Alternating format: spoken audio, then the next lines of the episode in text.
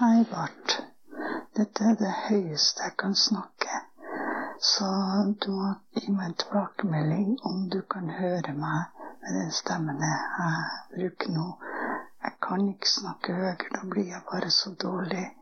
Dette er Inger. Jeg kjenner henne fra tiden jeg bodde i Larvik på 80-tallet. I dag ligger hun på et sykehjem. Hun er bare 64 år, har ME og ligger på et halvmørkt rom med maske over øynene. Og i dette halvmørket kjemper Inger for å holde fast ved håpet om å bli frisk igjen. Og det betyr at jeg greier å Hva skal jeg si Leve dagen her på en ja, ok måte.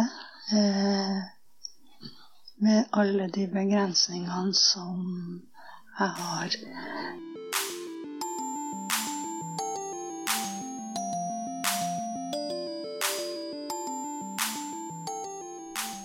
Kvinnen du hører i opptakene i denne podkasten, snakker langsomt og med lav stemme. Opptakene er gjort av henne selv på en iPhone, med store anstrengelser. Det er Inge Brønseth du hører. Vi vanket en gang i det samme miljøet i Larvik. Jeg ser henne fortsatt for meg, den gang en spenstig, sporty skikkelse med joggesko og anorakk. Hvor ivrig hun kunne argumentere for noe med sin Kristiansund-aksent som jeg kunne gjenkjenne på lang avstand. Mitt navn er Bart Tollens. Jeg er redaktør i tidsskriftet Sykepleien, og kom til å tenke på Inge mens vi jobbet med vårt temanummer om håp og alvorlige lidelser. Med diagnosen ME har hun en usikker fremtid. Jeg lurer på hva hun håper på i dag. Hun får besøk, fra familie og venner, men aldri lenge om gangen. Å intervjue eller møte Inger er vanskelig, det har hun ikke krefter til. Bare det lille jeg har lest, eh, snakka inn til deg nå, gjør at jeg får eh, økt eh, puls. Eh, jeg har en hjertebank som jeg hører hele tida, og den blir eh, fort verre. Skal veldig lite til før jeg blir verre. Temaet for denne podkasten er altså håp. Alle mennesker forholder seg til håp, alle på sin egen måte. Vi ønsker selvfølgelig å leve lengst mulig, og at de som er nære oss også lever lenge. Men det er først når ting skjærer seg at vi skjønner at vi virkelig trenger håp.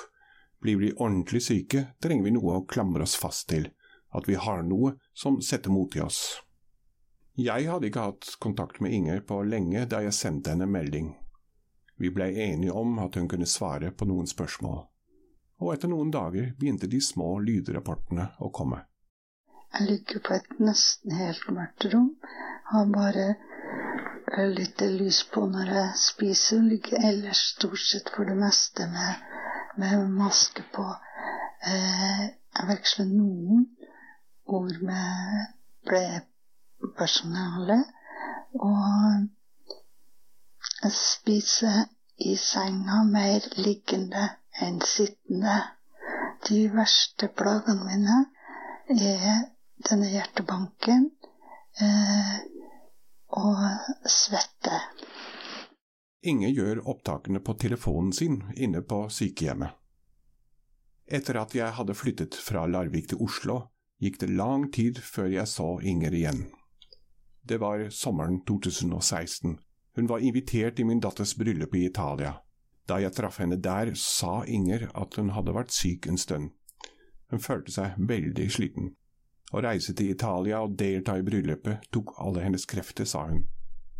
Siden den gang gikk det stadig dårligere med henne. Venner fra Larvik fortalte at hun blei så syk at hun nesten ikke tålte å omgås andre. Så fikk jeg høre at hun var blitt flyttet til et sykehjem.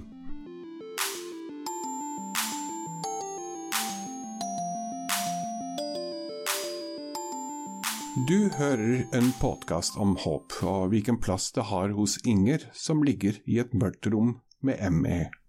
Jeg har lyst til å fortelle litt mer om Inger. Inger Brunseth er fysioterapeut, opprinnelig fra Kristiansund. Hun har alltid vært en veldig aktiv kvinne. Inger jobbet i fylkeshuset i Vestfold og pendlet daglig mellom hjemstedet i Larvik og Tønsberg. Men i 2010 følte hun seg sliten og i dårlig form. På toget på vei hjem fra jobb fikk hun ofte svinende øyne. Noen dager la hun seg på sofaen etter middag og klarte ikke å stå opp igjen. Etter hvert ble det nærmest en konstant følelse. Men våren 2013 sa det stopp. Det skulle gå tre år til med oppturer og nedturer før hun endelig fikk bekreftet at hun hadde ME, en sykdom som foreløpig ikke har en kjent årsak. Viktigste symptom er at pasienten føler langvarig utmattelse, særlig etter fysiske eller mentale anstrengelser. Inger blei liggende på et mørkt rom i hjemmet sitt i Larvik. Hun tålte stadig mindre lys og lyd. Mannen hennes, Arild, og de tre barna deres kunne gjerne komme inn til henne, men aldri lenge om gangen. Besøkende slet henne helt ut.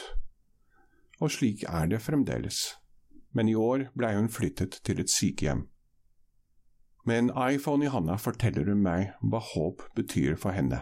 Jeg tenker at det er viktig for meg, men det er også viktig for familien min at jeg har håp. Og jeg har lovt Nora at jeg skal holde håpet oppe. Så det hjelper meg også i, på de dårlige dagene der jeg bare må ligge helt stille for å få hjertebanken til å roe seg. Jeg skvatt jo litt da jeg for første gang hørte Ingers stemme på disse lydopptakene fra sykehjemmet. Jeg veit jo hva MA er og hva den gjør med folk, men at det skulle være så vanskelig bare å snakke, det var vanskelig å forestille seg. Opptakene kom med ujevne mellomrom, av og til som smådrypp fylt av stillhet. Men så, etter en pause, kunne det plutselig komme mange lydopptak om gangen. Hei. Prøver meg litt nå i dag. Jeg vil prøve å si noe om dette siste du spør om hva håp betyr for meg nå i dag. Uh, jeg tenker at håp gir meg livslyst. Det gir meg uh, mer utholdenhet og noe mer tålmodighet. Dette er en sykdom som krever begge deler, i den forstand at uh, det er lett å bli rastløs når du har lyst til å gjøre mange ting og ikke kan gjøre noe. Så håpet er, er viktig for meg. Uh, det gjør at jeg kan holde humøret litt oppe. Uh, og kan se litt på meg sjøl. Men hva skjer med Inge Brunset når hun ikke holder humøret oppe? Jeg spør henne om hva håpløshet betyr, altså det motsatte av håp. Fortvilelse, frustrasjon, øh, oppgitthet. Og i tillegg så tenker jeg at øh, det også innbefatter en del ensomhet i den forstand at denne sykdommen som jeg har, er det ingen som kan hjelpe noe med. Og da blir du veldig aleine om å håndtere den. Inger har gått fra håp til håpløshet og tilbake flere ganger. Formen er vanskelig å beregne. Plutselig får jeg en melding jeg tror blir den siste. Hei, Bart. Jeg må melde pass, dessverre. Jeg syns det er leit fordi jeg har lagt en plan om å svare opp alle spørsmålene dine. Jeg syns det var mange gode spørsmål. Men svarene må få bli i mitt eget hode. Jeg blir så dårlig av å snakke. Jeg tenkte at det nå var slutt, men etter noen dager kommer det likevel mer. Det er som om spørsmålene mine har vekket noe i livet hos Inger. Jeg tenker at Inger er en realistisk person som har forsonet seg med en sykdom som vi andre nesten ikke kan forestille, i hvert fall ikke jeg. Oppfatter hun mine spørsmål som en forventning om at hun ikke skal gi opp håpet? Det lurer jeg litt på. Alle vil jo at den syke skal håpe, og jeg håper at Inger har håp, for da blir det også lettere for meg selv. Jeg håper at forskningen vil kunne hjelpe Inger, jeg håper at hun kommer seg gjennom de lange timene og dagene på sykehjemmet, og lurer på om jeg skal skrive tilbake til henne og ønske henne styrke og lykke til. Men før jeg har rykket å taste inn noen melding, sender hun en selv. Det har vært godt for henne, skriver hun og setter ord på tankene sine. men nå må hun spare energien som er igjen, til jul. Det er lettere å holde håpet oppe nå, fordi jeg også har kjent på litt bedring i den senere tid. Og det gjør jo at jeg håper at jeg kan bli ytterligere bedre. Men hvor god jeg kan bli, det er jo et stort spørsmål. Eh, og jeg kjenner jo også at jeg har senka lista for hva jeg håper på etter hvert som jeg har blitt dårligere.